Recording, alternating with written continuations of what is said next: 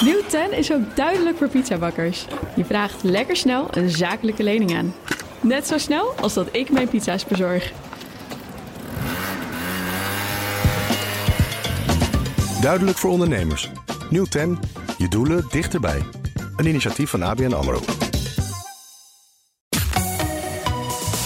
BNR Nieuwsradio. Boekenstein en de Wijk. Hugo Rijksma. The only way we're going to lose this election is if the election is rigged. It'll end up being a rigged election. The Democrats are trying to rig this election. There's going to be fraud. It's a disaster. There's fraud, there's missing ballots, fake ballots, millions and millions of ballots. President Trump dreigt niet zijn zin te krijgen bij de Amerikaanse presidentsverkiezingen op 3 november. En dan is het niet eerlijk. Wat als Trump niet weg wil? Welkom bij Boekenstein naar de Wijk, op zoek naar de nieuwe wereldorde, met in de studio. Sommige mensen vinden dat hij ook wel een beetje kan drammen. Arendtje Boekenstein. maar zolang hij gelijk krijgt, heb je geen kind aan hem. Rob de Wijk.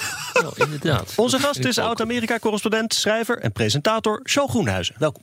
Goedemorgen, goed er te zijn. Charles, jouw nieuwe boek Amerika na Donald Trump, nu in de winkel, is een optimistisch boek over de Verenigde Staten. Maar de traditie van dit programma wil dat we eerst een paar doemscenario's met je doornemen. Ben ik dol op. Laten we maar eens beginnen met Trumps coronabesmetting. Wat betekent dat voor zijn kansen?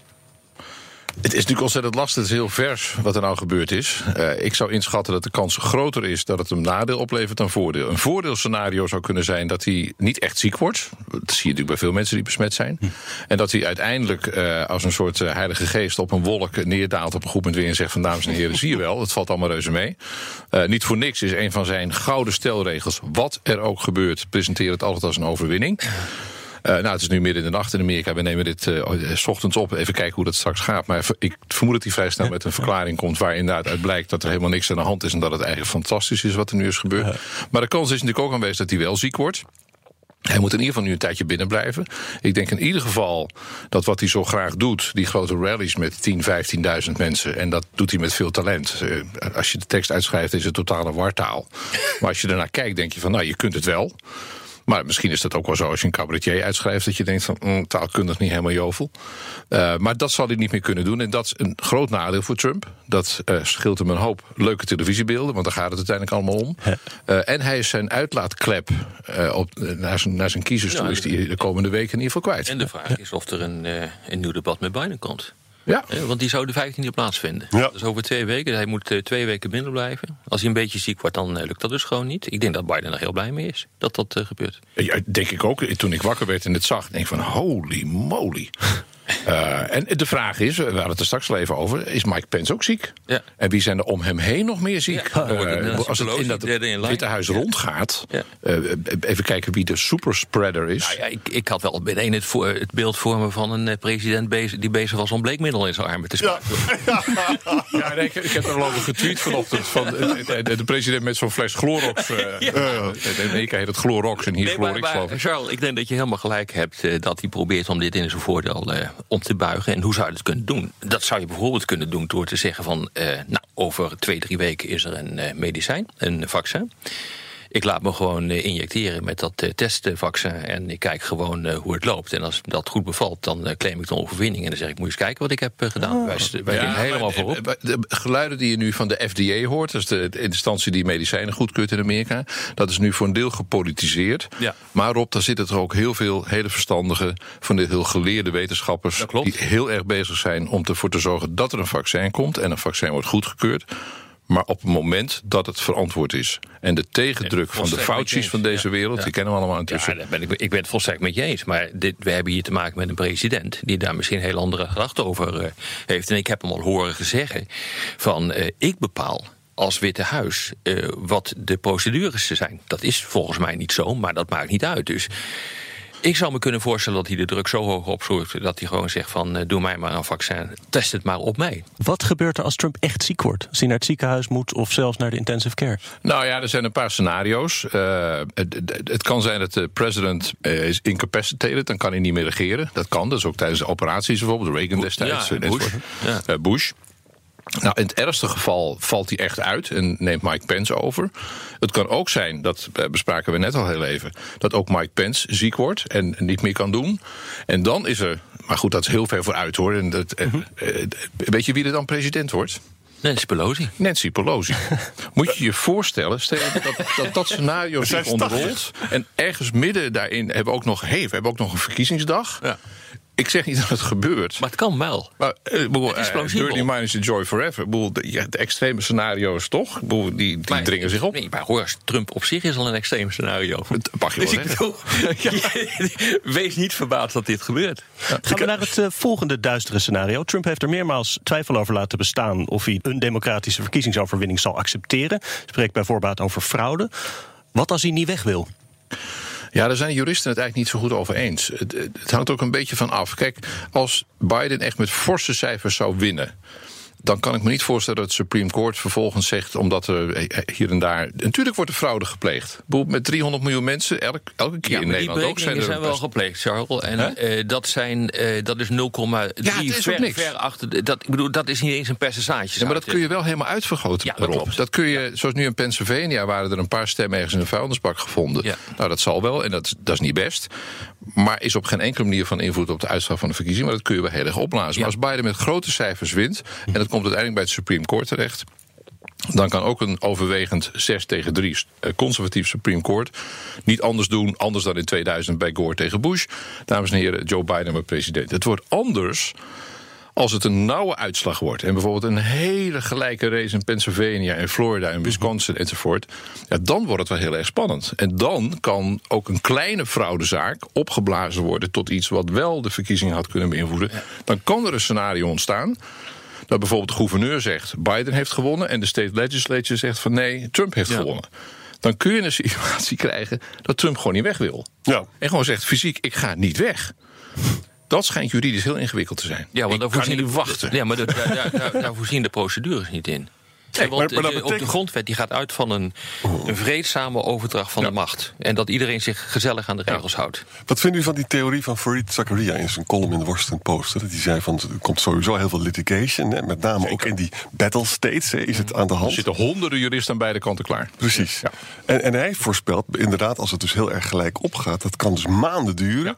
En dan uiteindelijk moet de Senaat dan de doorslag geven. En daar hebben eerst, eerst naar de juristen, naar de rechter, dan Ja. gaat het naar het huis en dan naar de Senaat volgens Ja, maar de. Senaat zou dan democratisch kunnen zijn. Ja. Ja, maar dat zou ook republikeins kunnen zijn. Zeker. Ja. Nee, het, het, het is, het is echt absoluut het politieke Wild West wat ons te wachten staat. Maar, maar als je even terug ik, het zou leuk zijn als je elke week een podcast hierover kon maken. Nee, maar als je eh, kijkt hoeveel meer stemmen Biden zou moeten hebben om dit te winnen. Om dit- Miljoenen, om echt zeker te zijn van. eh, dus Ja, hangt een beetje vanaf Clinton staat die heeft dan verloren met ja. 2,8 miljoen stemmen meer. Mhm. Bij 4,5 miljoen meer zit hij nog steeds in de gevarenzone. Hè, dan heeft hij een kans van 3 tot 4, 3 op 4 om daadwerkelijk president eh, te worden. Dus 25% niet.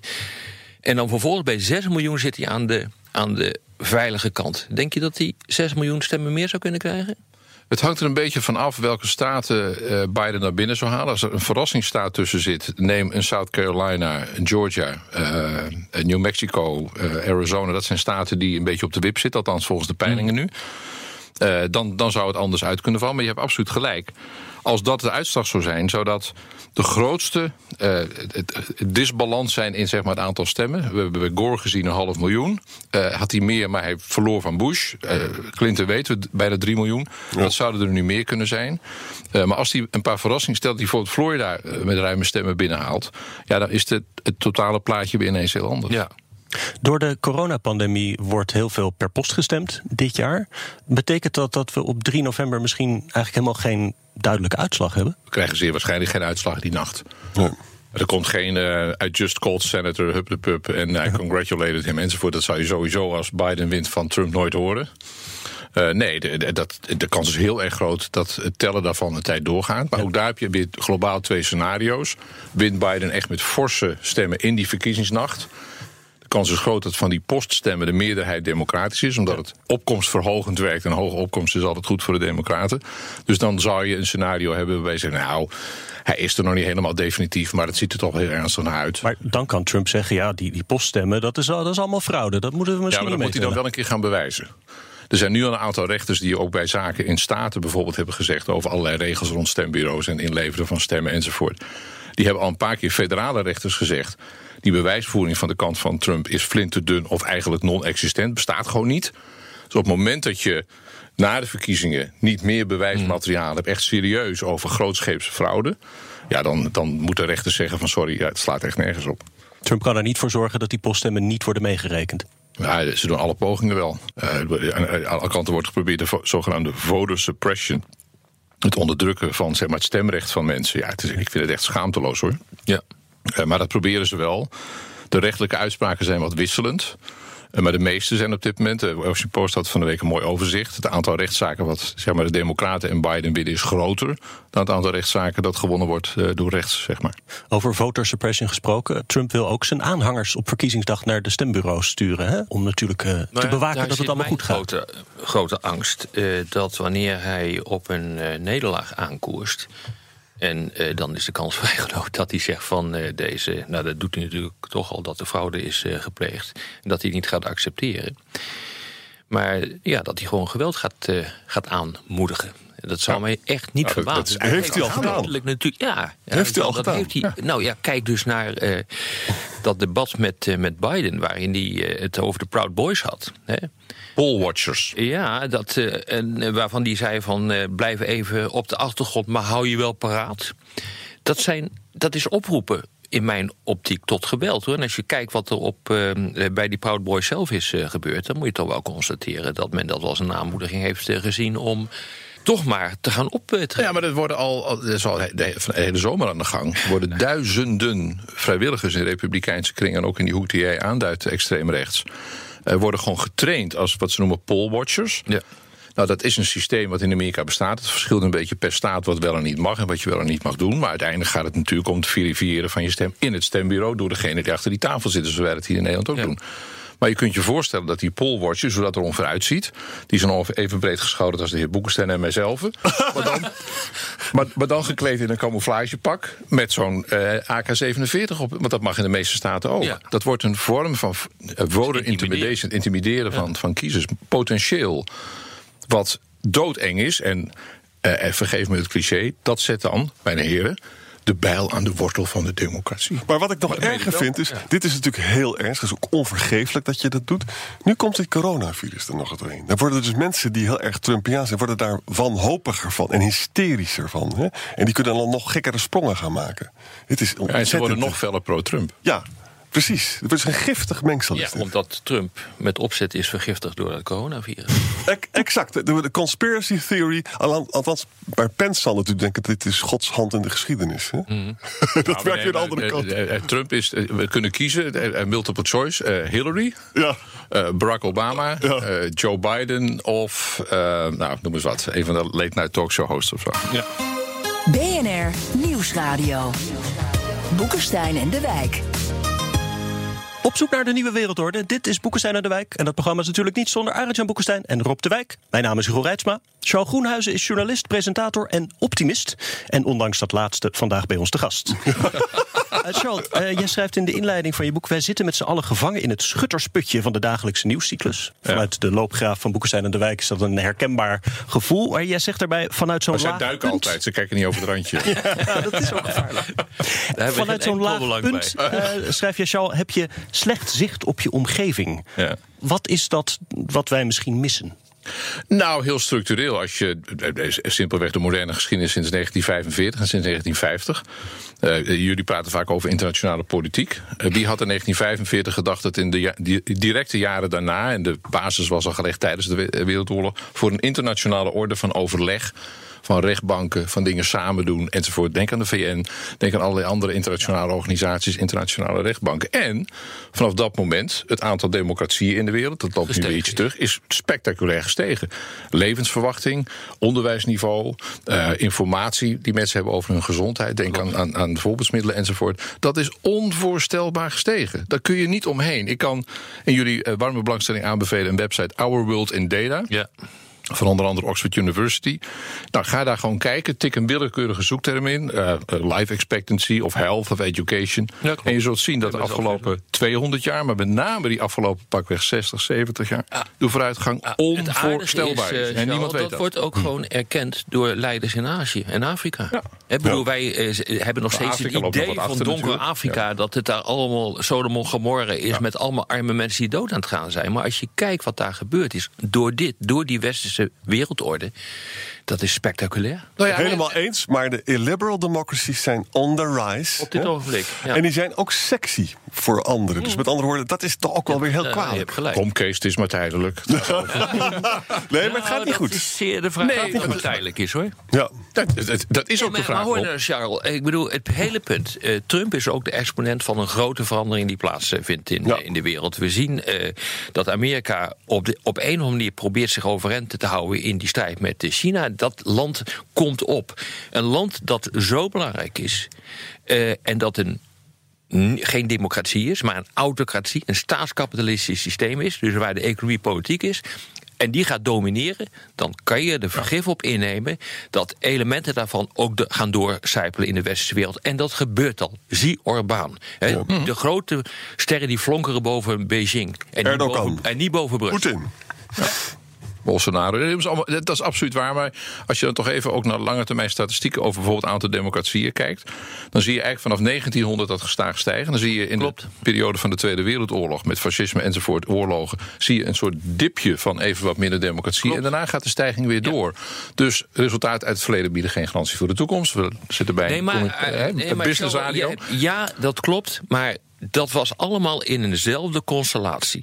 Eh, dat was, daar was geen sprake van een opkomende supermacht die Amerika mogelijkerwijs gaat overvleugelen vleugelen met een totaal ander politiek en economisch systeem. Daar moet je rekening mee houden. Dat klopt helemaal wat je zegt, maar dat was wel de westerse wereld die dominant was vanaf het begin van de 19e eeuw. En daarom is in mijn optiek ook zo belangrijk wat de uitkomst van deze verkiezing is. Want Ja. als Biden dit wordt, dan zou je toch een, een, een vorm van restauratie zien van die westerse wereld. Ja, dat is, dat is slecht nieuws voor Boris Johnson, Thierry Baudet en Geert Wilders. Exact. En wordt Trump het, dan zal je een versnelling zien in de richting van, eh, van autocratie, illiberal democracies en dat soort eh, zaken. Maar toch, ik, even even terug ook wat ik in mijn boek heb proberen te beschrijven over de Verenigde Staten. Er is een onderstroom in de Verenigde Staten waarbij mensen zeggen: ja, we willen een minder ongelijk land, minder verschillen tussen rijk en Ja. arm. We willen actief klimaatbeleid anders dan Trump. We willen een betere infrastructuur. We willen betere eh, en meer rechten voor de, het zwarte deel van de bevolking.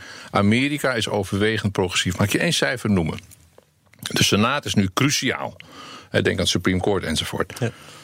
Eh, de Republikeinen hebben daar een meerderheid van 53 tegen 47 voor de Democraten. Als je eens gaat tellen hoeveel stemmen daar nu eigenlijk zijn uitgebracht op die twee partijen. De Republikeinen hebben een meerderheid van stemmen, dus 53. eh, met in totaal 100 miljoen kiezers die op hun gestemd hebben. De Democraten hebben 47, minderheid. En die hadden 120 miljoen stemmen. Dus die 20 miljoen stemmen verdwijnen in het systeem zoals het daar is ingericht. Ja. Dus wat ik steeds betoog van dames en heren, kijk naar de verkiezingsuitslagen, maar let vooral op aantallen stemmen. Dan zag je bijvoorbeeld nu in 2018 bij de midterm elections een klinkende overwinning eh, voor de Democraten vergeleken met de vorige midterm elections. Meer dan 10% overgelopen van de Republikeinen naar de Democraten. Dat is spectaculair. Hoe komt dat, eh, Charles, dat het land progressiever Nou, omdat de Republikeinen alsmaar doen of, alsof we nog in de tijd van Archie Bunker leven. En alsof je eh, kunt zeggen van dat het abortus een schande is. Wat die Republikeinen niet willen zien, bijvoorbeeld, is dat Amerika nu meemaakt wat wij in de jaren 50, toen wij jong en onweerstaanbaar waren, de, het leeglopen van de kerken. Ja, je helemaal gelijk. Ja. En als Maar- het- dat gaat als een dolle. Maar, maar ik, sorry, ik ga er even tegenin op voor het programma. Ehm, je hebt heel veel punten die juist zijn. Maar even de, waarom is Trump verkozen? Trump is verkozen omdat door die globalisering... de boze witte man eh, echt heel veel sa- salaris heeft ingeleverd. Hè? En hij haatte Hillary. En hij haat ja, Maar dat laatste, jongens, dat is er dus nog steeds. Dat is door Trump alleen maar erger geworden. Maar dat betekent dus dat... Weet je nog dat, ze- dat, dat ze de Tea Party zo kwaad was op de Democraten... ook omdat de Democraten Wall Street verdedigden en zo. Dat element is er natuurlijk ook nog, hè? Jawel, maar onderschat niet. Want ik, ik, ik krijg veel als ik ook op Twitter zet van dames en heren, of in mijn boek schrijf, van dat ik verwacht dat eh, Trump eh, eh, waarschijnlijk gaat winnen. zeggen ze, ja, maar weet je nog, in 2016 stond Hillary voor in alle peilingen. En Trump won uiteindelijk. Nou, wel met een minderheid van de stemmen, maar dat is waar. Maar er zijn een paar cruciale verschillen volgens mij. Eén, er zijn nu veel minder twijfelende kiezers, minder swing voters. Dat zie je gewoon alle cijfers. Twee, de helft van Amerika haat Hillary Clinton. De Hillary haat volksziekte en je schijnt er niet van te genezen. Een soort virus. Dat is nu niet zo. Joe Biden heeft structurele zwaktes. Veel besproken, zijn leeftijd, het gestotter en gedoe. Maar mensen hebben geen hekel aan hem. Het is Uncle Joe tegenover de Uberbitch. Maar er zijn dus ook uh, allerlei berichten dat Latino's veel minder geneigd zijn om te gaan, uh, te gaan stemmen. En uh, dat überhaupt de democraten... Kan in Florida heel lastig zijn. Ja, en dat überhaupt de democraten minder de neiging hebben... dan te gaan stemmen dan de republikeinen op dit ogenblik. Oh, ik zie onderzoeken die ook de andere kant op gaan. Nee, ik, zie ook die, ik zie ook die opiniepeilingen. Maar het interessante is ook dat er tegenwoordig naast die opiniepeilingen ook een peiling staat van wat als we het even mis hadden ja. als in 2006. Tuurlijk. He, dus, uh, en dan zie, je, dan zie je vaak heel andere beelden ontstaan. En stel dat de onrust in de grote steden weer oplaait. Hè, en, we, en, we, zien dus ook... De, maar daar hoopt Trump op natuurlijk. Daar, daar hoopt ja. Trump. Ja, als, en als dat gebeurt, dan kiest Suburbia, jou wel bekend... toch, die houden niet van plunderaars. Hè? Nee, toch, dat, dat, dat zeg je nou. Maar als je bijvoorbeeld naar de fameuze website 538.com... kan ik ook iedereen adviseren. Uh, daar zie je vanaf het prille begin uh, er zijn twee statistieken. Hoe populair of impopulair is Trump? Goedkeuring of niet goedkeuring, één. En twee, de verhouding tussen de aanhang van Trump en van Biden. Dat is super stabiel. Dat is dwars door de coronacrisis heen, dwars door de economische ineenstorting heen, dwars door de rellen heen. Zie je daar een verschuiving van maximaal 1, 2 procent. Mm. Dat zijn twee solide blokken, een rechtsblok en een linksblok. En dat laat zich kennelijk door grote dingen nauwelijks beïnvloeden. En dat, maar, dat, ja, maar dan is het dus de vraag met hoeveel meer stemmen Biden wint. Ja. Dat is denk ik gewoon waar het op, op neerkomt. Als hij 6 miljoen meer heeft, dan, heeft hij een, dan is hij zeker. Alles wat eronder zit. Maar als hij bijvoorbeeld stel dat hij Florida en Georgia binnenhaalt, dan kan hij aan de andere kant kan hij weer een deel verliezen. Ja. Dat, dat, dat, zijn ook scenario's die je in veel, uh, veel plekken ziet. En je hebt gelijk over die Latino's die nu wat naar rechts uh, lijken op te schuiven. Uh, maar als, als dat soort verrassingen erin zitten, echt republikeinse staten die overlopen tussen aanhalingstekens, dan zou het ineens de andere kant op kunnen, omdat je die rare vertekeningen van het Electoral College dan ziet. Dan zou het Electoral College, wat steeds in het nadeel is van links en van democraten, zou ineens de andere kant op kunnen klappen en in het voordeel kunnen zijn. Hoe belangrijk vind jij die verkiezing eigenlijk voor ons, Nederlanders? Nou ja, wat ik net zei, de, uit, de politieke uitstraling van het populariteit van populisme is, vind ik vrij cruciaal. Mm. Op het moment dat hij zou winnen, dan zijn er een aantal politici in Nederland die roepen hoera. Nou, dat mogen ze. Uh, op de lange termijn, uh, NAVO, denk ik dat Biden hetzelfde zegt als Trump. Oh, absoluut. Namelijk, gij zult meer voor defensie oh, betalen. Oh, ja, ja, ja. Hij is natuurlijk wel, hij is wel een Atlanticus. Uh, en dat is Trump natuurlijk ja, absoluut hij, niet. On, realiseer, toen hij vicepresident was in 2011, toen is die Pivot Asia ingezet ja. onder Obama. Maar ja, dat is ook, dat is ook aanpassen aan de realiteit. Kan je nog herinneren wat er toen voor een schok door Europa ging? Van, oh mijn god, ze gaan zich richten op, ja. op Azië. Wat moet er wel niet van de NAVO nu terechtkomen? En realiseer je dat Gates de toenmalige ja, minister van Defensie. Uh, van Defensie al in Brussel heeft gezet. Ik, ik, heb, ik heb me dat zien zeggen daar. Dat ging van dik hout zagen van planken. Van als jullie niet meer doen aan Defensie, dan moeten we naar het, uh, het Huis van Afgevaardigden gaan om aan te, uh, of aan te geven wat we met jullie aan moeten. dus dat was een enorme dreiging. Het enige verschil met toen is dat Trump veel meer de daad bij het woord. Uh, nou ja, en, en, toch ook wel heel erg op de presentatie en de boel tonk verder muziek ja. in dit geval. Uh, op het moment dat je met een pittige. Uh, kritische of misschien zelfs boze reactie naar Europa reist. Uh, en met het vocabulaire van Trump in je achterzak. Je wordt niks meer gegund. Of, of Joe Biden komt hier aan en zegt: Natuurlijk ben ik Atlanticus. En natuurlijk wil ik vrienden ja. met jullie zijn en blijven. Dat is toch wel een andere toonzetting. En jij en ik weten, dat is cruciaal ja, uiteindelijk. Ja, maar Trump wordt niets, niets meer gegund. Ja. Er wordt niks gegund in, uh, in China, ja. er wordt niks gegund in, uh, in Europa. En dat betekent eigenlijk dat het isolationisme waar wel eens over wordt uh, gesproken, dat heeft hij zelf afgedwongen inmiddels. Ja. Hij wordt gewoon, dat zie je gewoon gebeuren, geïsoleerd. Amerika wordt geïsoleerd. Van fuck you, Amerika, bekijk het maar. Op de radio ronden we af, maar in de podcast gaan we door met luisteraarsvragen. Luistert u op de radio, dan verwijs ik u naar Apple Podcasts, Spotify of bnr.nl.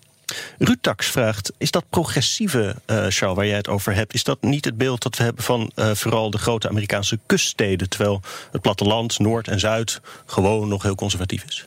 Het antwoord is nee. Uh, en ik zou hem uitnodigen, ga simpelweg naar de website gallup.com mm-hmm. en tik bijvoorbeeld in gun control of abortion of equal rights of nou, wat je ook maar interessant vindt.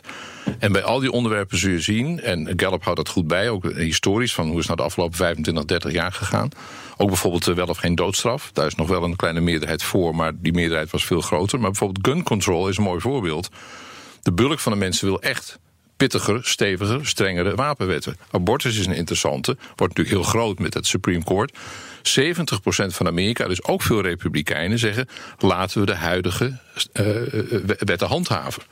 Uh, en dat is een beetje vergelijkbaar met hier in Nederland. Abortus mag onder voorwaarden enzovoort. En zeker niet de wetten die nu door de Republikeinen in een aantal staten worden voorgesteld. Uh, de zogenaamde heartbeat laws. Hè, dat je eigenlijk vanaf het begin geen abortus meer mag plegen. Wat de nieuwe rechter, mevrouw Barrett, heeft gezegd.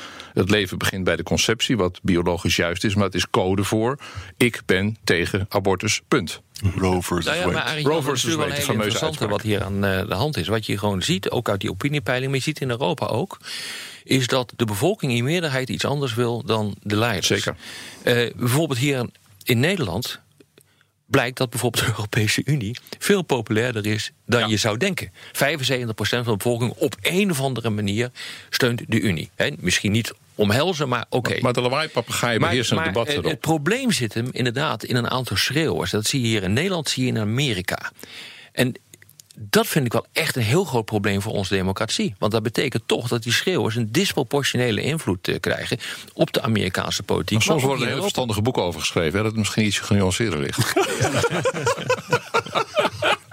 Dirk Kwakkel vraagt: Door het staatsbestel hebben kleine conservatieve staten relatief veel invloed, want twee senaatzetels per staat. Ook is het Hooggerechtshof conservatiever dan de bevolking lijkt te zijn. Zouden de Democraten hier iets aan kunnen doen, zoals senaatzetels voor DC, Puerto Rico en of uitbreiding van het Hooggerechtshof? Kunnen ze er een beetje omheen? Uh, Dan moet je de grondwet veranderen. Ja, nou die laatste kan wel vrij makkelijk. Uh, de territories en Washington DC, wat een soort status aparte heeft, die inderdaad geen senatoren hebben.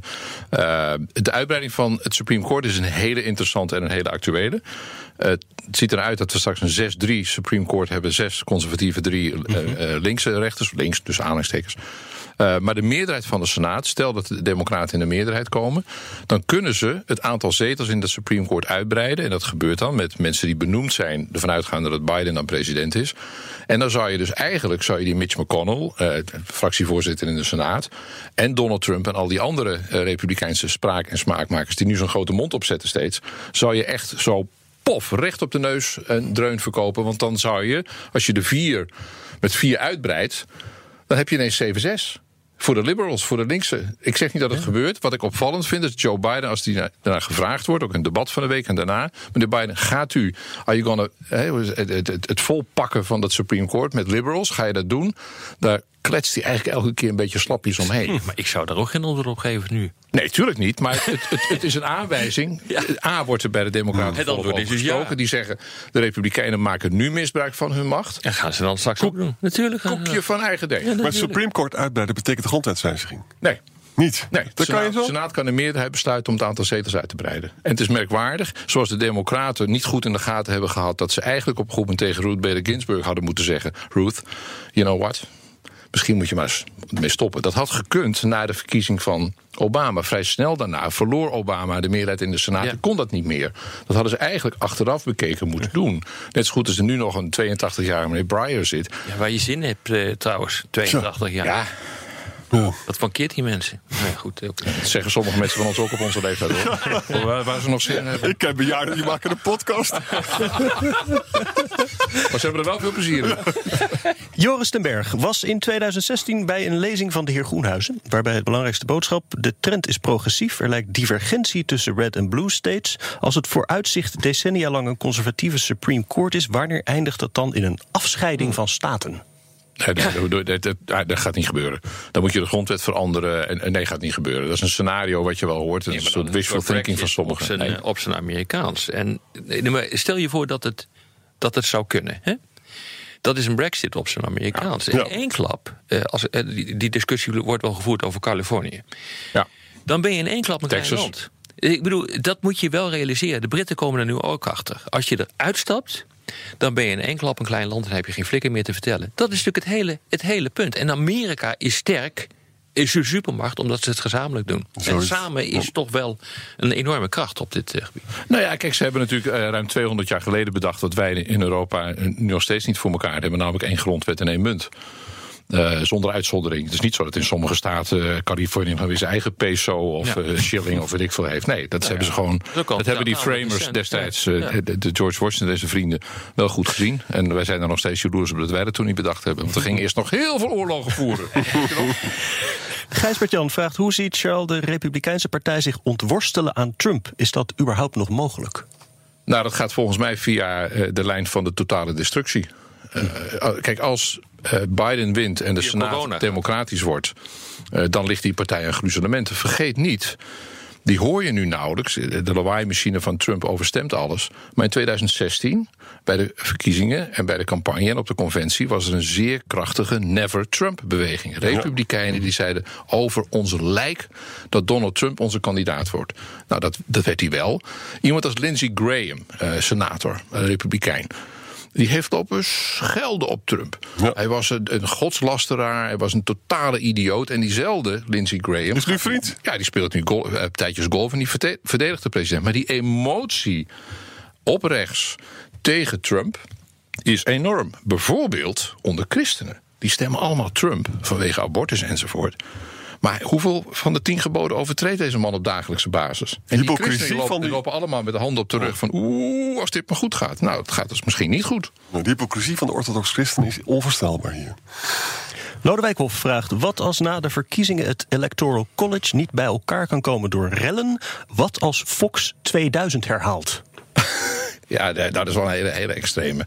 Eh, daarom volgens mij kun je dat via Zoom kun je college bij elkaar brengen. Nee, dit- dit- dat is volgens mij een van de minste zorgen. We moeten eerst zien, Rellen wel. we moeten eerst zien dat, we, dat er een, een uitslag op papier ligt van het Electoral College die aanwijst dat de een of de ander president zou moeten worden. En als je daar het een beetje over eens bent, al dan niet via de band van het Supreme Court.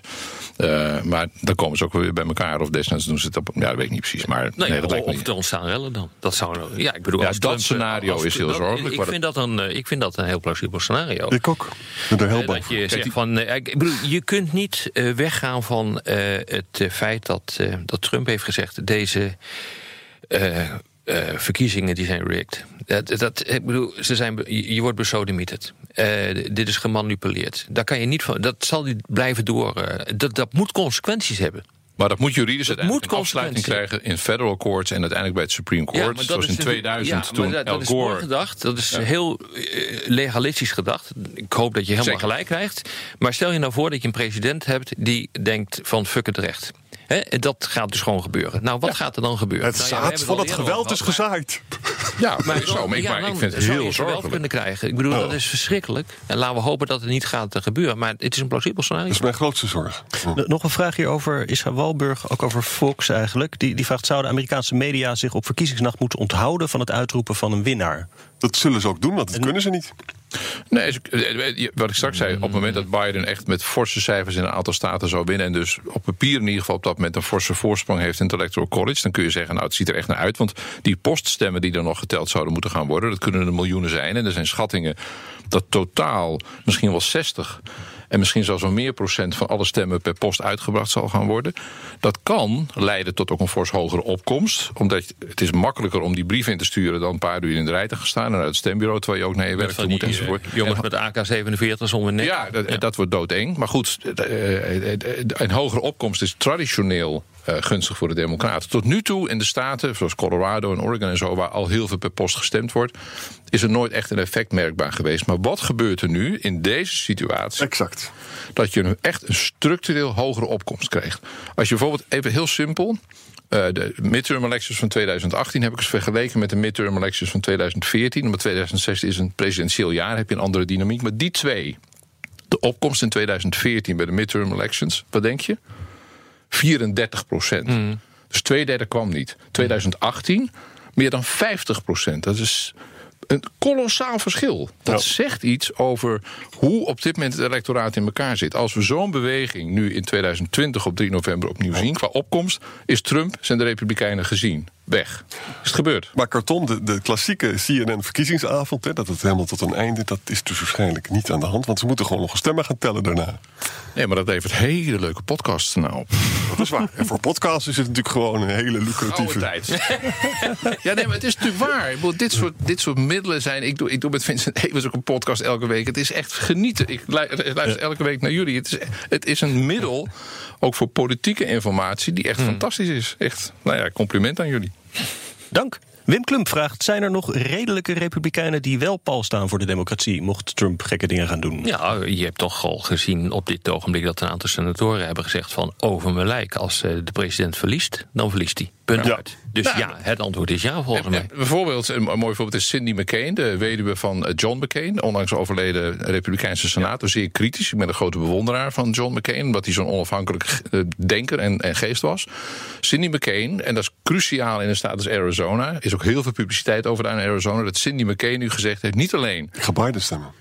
Precies, ik ga niet op Trump stemmen, ik ga op Biden stemmen. En daar zijn er veel meer van. En daar zul je er waarschijnlijk in de komende weken meer van zien. En ook een beetje in jouw wereld erop. eh, eh, hoge militairen, topambtenaren van eh, meestal wel gepensioneerd. Die collectief nu zeggen, en ook van deel samengewerkt of minister geweest bij Trump. En die zeggen, ik zeg het even eh, op z'n Hollands, die man is gek. Met is?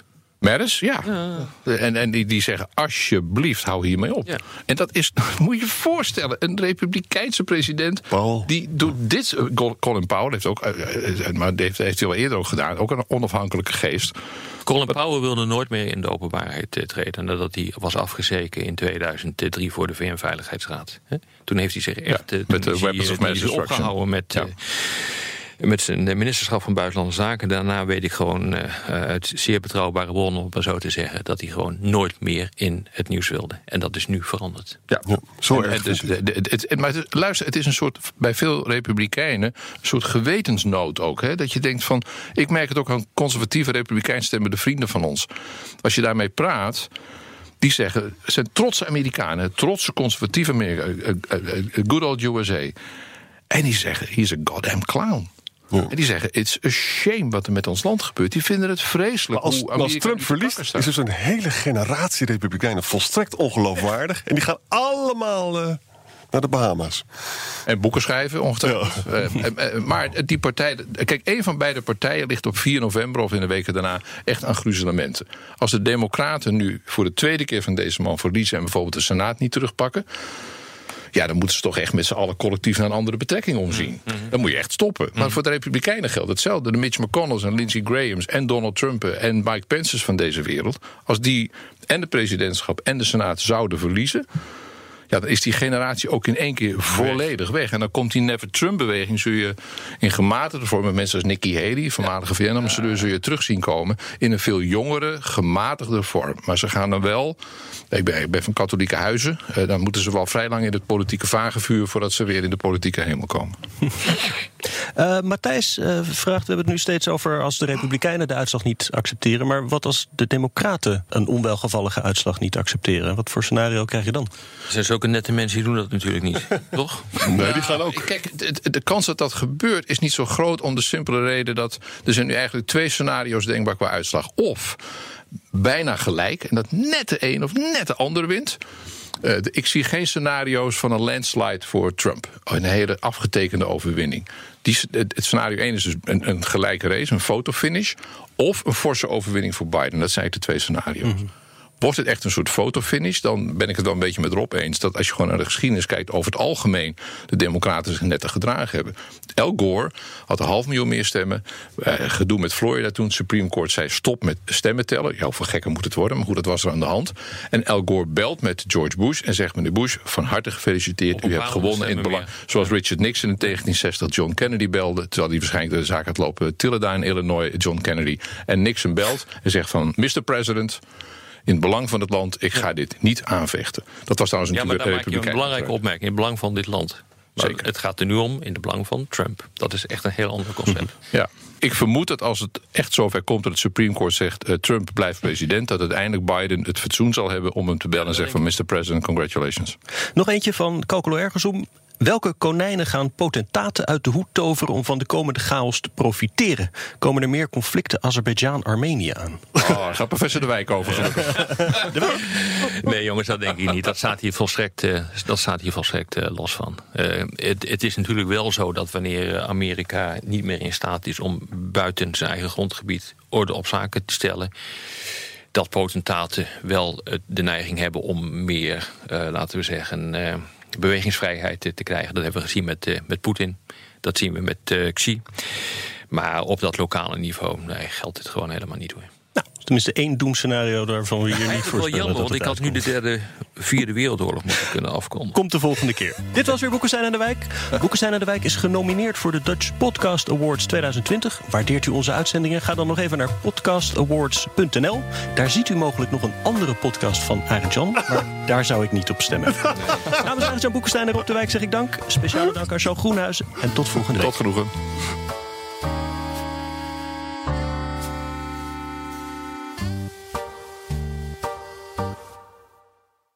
Nieuw 10 is ook duidelijk voor pizzabakkers. Je vraagt lekker snel een zakelijke lening aan. Net zo snel als dat ik mijn pizza's bezorg. Duidelijk voor ondernemers. Nieuw 10, je doelen dichterbij. Een initiatief van ABN AMRO.